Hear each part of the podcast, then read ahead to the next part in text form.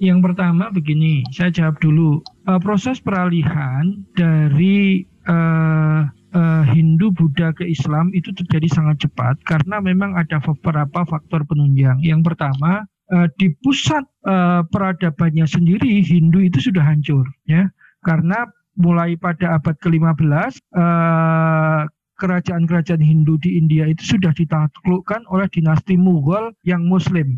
Nah, dinasti Mughal Muslim ini menarik karena dia minoritas uh, tetapi dia bisa menjadi penguasa selama kurang lebih 500 tahun di India sampai akhirnya nanti dia dikalahkan oleh Inggris gitu ya. Jadi di pusat induknya sendiri di India sana itu sudah jatuh ke tangan kekuasaan Islam. Uh, jadi uh, umat Islam di India itu walaupun uh, dia hanya 20% dari total penduduk tapi dia mampu menjadi penguasa di India itu selama 500 tahun. Nah, ini berpengaruh juga kepada kondisi ke keislaman di eh, kondisi kehindu budaan di Indonesia itu ya. Juga mengalami penurunan uh, uh, tadi penurunan uh, vitalitas kebudayaan itu turun gitu ya. Elan vitalnya menurun dari peradabannya. Kemudian yang kedua di akhir uh, dari era Hindu Buddha di Indonesia itu itu memang agama itu sudah jatuh kepada tingkat moralitas yang paling rendah dengan beredar dengan berkembangnya budaya tantris ya. Uh, jadi uh, Hindu Buddha yang ada di Indonesia itu dulu itu merupakan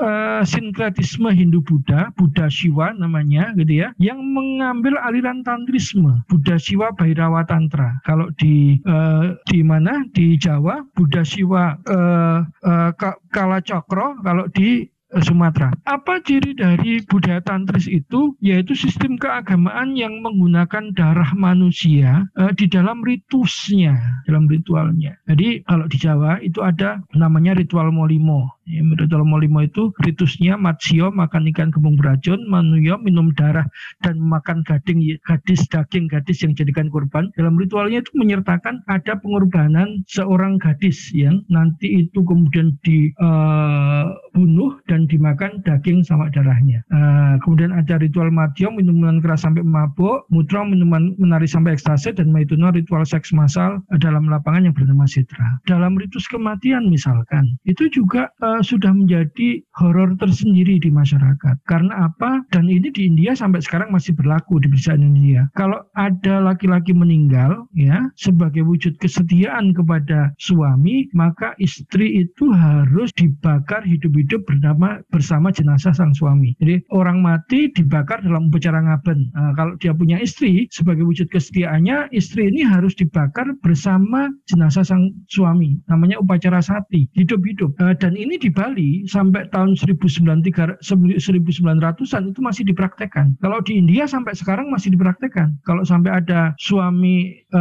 meninggal, maka istrinya atas desakan eh, orang-orang kampung dia harus ikut mau dibakar bersama jenazah sang suami hidup-hidup. Dalam catatan sejarahnya itu e, upacara sati terbesar itu pada masa Raja Tawang Alun. Raja Tawang Alun ini raja di Belambangan karena dia seorang raja. Ketika dia meninggal, maka ikut dibakar bersama jenazah sang raja itu ke 471 istrinya. Bisa dibayangkan. Agama yang kemudian menyampaikan pesan kematian, kengerian secara terbuka seperti ini akan ditinggalkan oleh pengikutnya. Seperti sekarang di beberapa daerah Irak dan Suriah karena milisi Islam saling bertarung satu sama lain banyak orang yang akhirnya kembali ke agama Zoroaster. Murtad dari Islam kembali ke agama Zoroaster. Demikian juga dulu. Tantrisme berkembang, orang tidak lagi nyaman dengan Hindu Buddha, mereka berbondong-bondong masuk ke Islam. Itu sebabnya kemudian ritus yang paling utama uh, di masyarakat Islam Nusantara itu ritus kematian, ya. Karena uh, filosofi Islam tentang kematian ini paling masuk akal. Se kalau dia mati sebelum dia di manusia kembali dari tan uh, di asalnya dari tanah kembali ke tanah. Ketika mati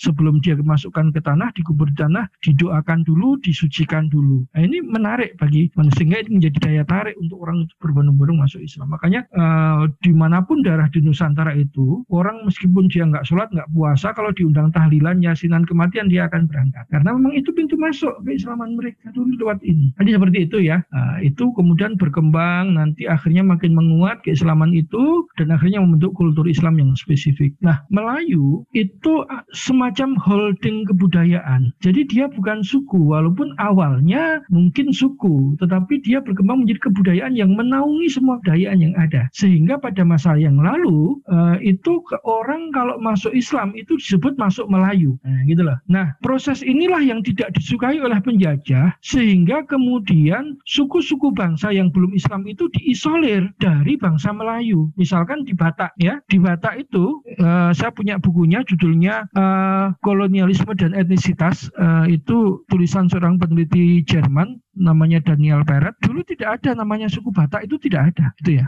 Suku Batak itu untuk menunjukkan suku pedalaman yang belum Islam. Nah waktu itu pem pemerintah kolonial Belanda sudah melihat pedalaman itu sudah mulai diislamkan. Kenapa? Karena hasil bumi mereka kan dijual ke orang-orang Melayu yang rata-rata menjadi pedagang gitu kan? Nah sebagai wujud hubungannya itu sering kali para ketua suku di tanah Batak itu mengirimkan putrinya untuk dikawini saudagar Melayu tadi sehingga ketika dia pulang dia sudah menjadi muslim. Nah ini kemudian akhirnya suku Batak itu di diisolir oleh Belanda bahkan orang-orang yang menjadi pegawai pemerintah kolonial di Batak itu tidak boleh beragama Islam. Nah karena kalau beragama Islam itu nanti mesti menyebarkan agama. Bahkan orang Aceh itu dilarang membuka kedai kopi di tanah Batak. Kenapa? Kalau dia membuka kedai kopi sambil dia menghidangkan kopi ke pelanggannya itu sambil mendakwahkan Islam. Nah, diisolir. Sehingga akhirnya muncullah kemudian Batak yang terkristenkan. Itu juga di Kalimantan. Di Kalimantan itu sebetulnya banyak suku Dayak yang sudah menjadi Melayu dengan dia masuk muslim muslim. Nah, oleh para misionaris Katolik, ini ada di buku di gereja Indonesia Indonesianisasi gereja Katolik, akhirnya kemudian identitas suku Dayak dan identitas suku Melayu itu dipisahkan. Sehingga kalau sampai suku Dayak ada orang Dayak kok masuk Islam itu dia dianggap mengkhianati kedayaannya. Gitu ya. Sehingga akhirnya yang disebut orang Dayak itu mereka yang masih beragama kahiringan atau beragama Kristen yang dianggap sudah masuk Islam, sudah masuk Melayu, tidak lagi suku Dayak. Ini pecah belah kebudayaan yang dilakukan oleh Belanda. Seperti itu. Jadi makanya tugas kita kembali adalah bagaimana menghidupkan kembali Melayu sebagai holding kebudayaan tadi. Kebudayaan yang menaungi banyak kebudayaan. Jadi dia itu menjadi payung pemersatu. Eh, bahkan Jawa sendiri eh, pada masa Hamzah Fansuri itu intensitas eh, dialek-dialog antara kebudayaan Jawa dengan kebudayaan Sumatera itu terjadi sangat intens. Kenapa? Karena Jawa ini suku yang tua. Sehingga kitab-kitab terjemahan kitab-kitab tasawuf yang berkaitan dengan dok, dengan perasaan, itu kemudian untuk mencari padanan katanya, para pujangga Melayu pun mencari kosakata dari perbendaraan bahasa Jawa. Karena bahasa Jawa itu paling detail kalau berbicara tentang perasaan, gitu loh. Sehingga ada terjadi dialog budayaan. Hanya saja, kemudian ketika dialog ini belum menyatu secara utuh, oleh Belanda dipisah. Akhirnya kemudian identitas Jawa dikembalikan pada identitas penerus Majapahit, gitu ya. Bukan identitas keislamannya yang utama sehingga nanti pada tahun 1832 itu nah namanya Nederland Genootschap lembaga uh, misi dari Belanda itu menugaskan uh, orang-orangnya untuk menerjemahkan kembali sastra Majapahit, Kakawin, Sutasoma, Negara Kartagama ke dalam bahasa Jawa Baru sehingga orang Jawa akhirnya lebih identik kepada Majapahit daripada kepada Mataram Islam itu sendiri. Jadi seperti itu Mas gambarannya kira-kira. Nah, tugas kita adalah bagaimana menghidupkan kembali uh, keislaman ini sebagai elan vital kebudayaan, uh, menjadikan Melayu ini kembali sebagai holding besar, payung besar kebudayaan bersama. Orang tetap bisa menjadi orang Kalimantan, orang Sumatera ataupun orang Jawa, tetapi dia punya payung bersama yang bernama payung kebudayaan Melayu tadi. Jadi kalau pandangan saya seperti itu.